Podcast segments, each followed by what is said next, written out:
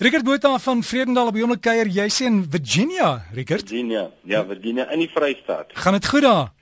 Ehm um, ek weet nie of jy al in Virginia was nie. Ek was ja, ek het familie gehad waar gewoon het. O, Nog steeds. Ek dink jy ja, my neef is by. Ek dink dit is nou al my derde keer dat ek hier kuier en uh, die lekker ding van die mense hier is ehm um, teen die tyd jy weet die mense wat ek ontmoet het die eerste keer voel my al soos familie. So ek voel net soos jy wat familie gehad het. Jy weet ou kuier nou hier en dink ek ja weet ek mis hierdie mense, sulke kosbare mense. Baie lekker om hier te kuier. Ek is by die AGS gemeente by pastoor Jan Briel en hulle het 'n spesiale seminar die naweek so. Ek en my vrou Derrick, dis 'n groot saak, hoor. Hey, hierso en ek is baie bevoorreg om saam met te hê. Richard, maar ons praat vandag oor 'n ander ding. Ek wil bietjie by jou hoor. Hoe maak 'n mens vrede? Jy weet daar seker goed in jou lewe wat jy nie kan verander nie. Jy moet dit maar aanvaar. En dan is daar mense wat jy nie kan aanvaar nie, maar jy moet hulle ook maar aanvaar. So hoe maak 'n mens vrede? Mm, okay, dis 'n Ene, dis 'n groot een. Dis 'n breë een. Uh, kyk, ek gaan jou nou iets sê, dan kan jy my nou rig, nee, uh, met verdere vrae, maar ek gaan jou een ding sê, daar's daar sekere goed, jy weet wat met 'n mens gebeur wat jy nou nie net bloot net kan meer vrede maak nie. Jy weet dit is want dit is baie diep goed, dis miskien baie erge traumatiese goed of so. En uh dis nie die tipe ding wat 'n ou net agter jou rug sit en dan voilà, ons als oor en dan gaan jy aan met die gewone lewe nie.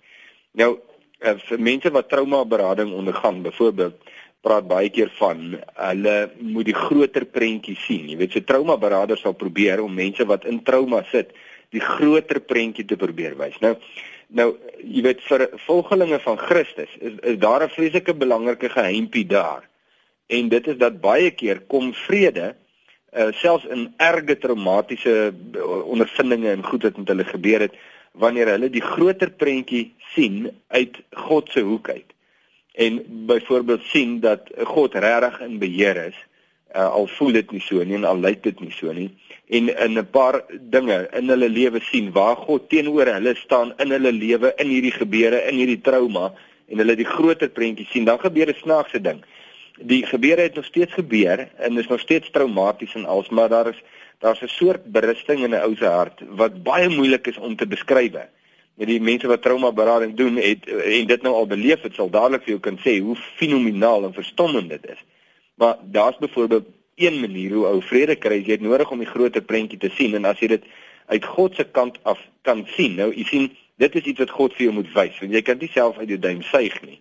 Jy jy gaan daai waarheid by hom moet kry dan dan maak 'n ou vrede. So daai dis die een kant van van die antwoord. Rigert en dit is net die een kant van die antwoord, maar vir party mense is dit amper 'n onmoontlike ding om reg te kry.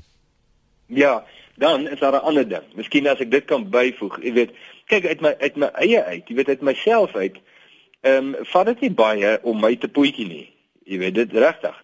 Daar's 'n Kyk, daar's 'n paar groot monsters in die lewe en en sommer die ou kleintjies nog kan my wind heeltemal uit my seile uitslaan.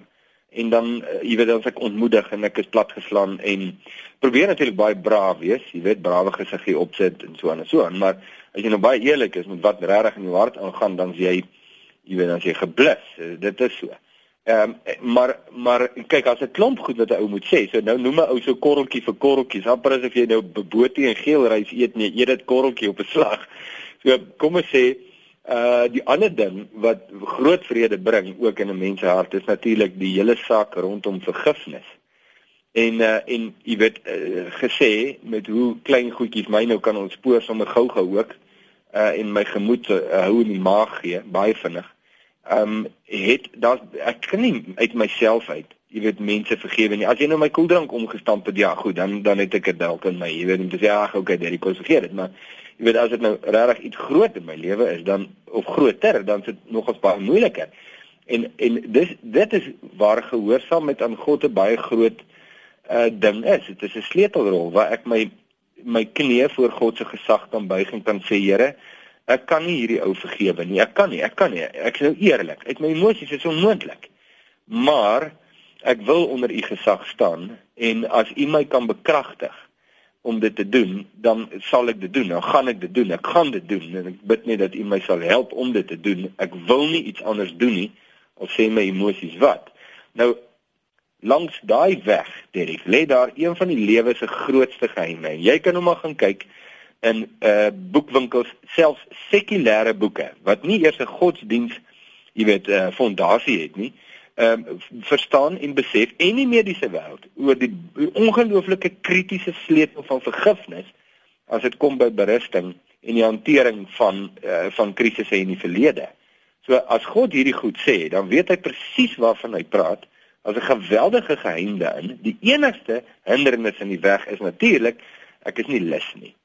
Uh of ek verstaan dit nie, maar ek is nie lus nie en ek ek staar my vas teen my emosies en dink God probeer nou bloed uit 'n klip tap. Dis nie waar nie. Al wat hy vir my vra is dat ek net my hart na hom sal draai en hy sal my die energie of die vermoë gee om dit te doen en die groot ontsluiting lê net daar. Maar Richard, ek het 'n groot ontsluiting wat hier lê want ek nou nou 'n boerpot kompetisie wenner aanwys, so ek gaan jou gou vra vir ons pleister en dan kan ons dit doen. En dan moet jy lekker kuier daar in Virginia. Ja, dankie. Dankie Dirk. Ehm um, ja, jy het nou met die boerpot is 'n groot storie nie. Dis lekker.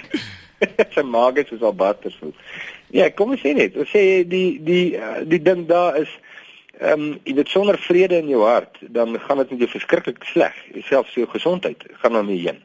Mense verstaan dit, daar's allerlei maniere om vrede te probeer terugkry en berusting en geweldige groot vrae wat jy nou aangeraak het vandag net 'n bietjie.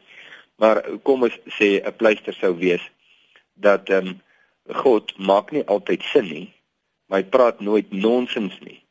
En hy weet waarvan hy praat en uh, vir die mense wat kies om daai weg te gaan, vind wonderbewonder berusting en vrede en ongelooflike diepgaande bediening. En uh, en dis die weg wat mens graag wil hê mense moet loop. Daar lê nie net 'n pleister nie, daar lê die dokter ook sommer. So het mense wat vir jou wil volg op Facebook. In Jesus voetspore is die Facebook bladsy naam. Daar's 'n blou knoppie wat sê like. So as jy die eerste keer daar opgekom het, druk die blou knoppie en dan as jy deel. Ons sê dankie Rickert en lekker bly en ons praat weer. Dankie Derek, sterkte met die boerpot. dankie Rickert. So gesels ons dan met Rickert Botha op daai Facebook bladsy gaan soek vir in Jesus voetspore, druk die hou van knoppie en dan kan jy by sy groep aansluit.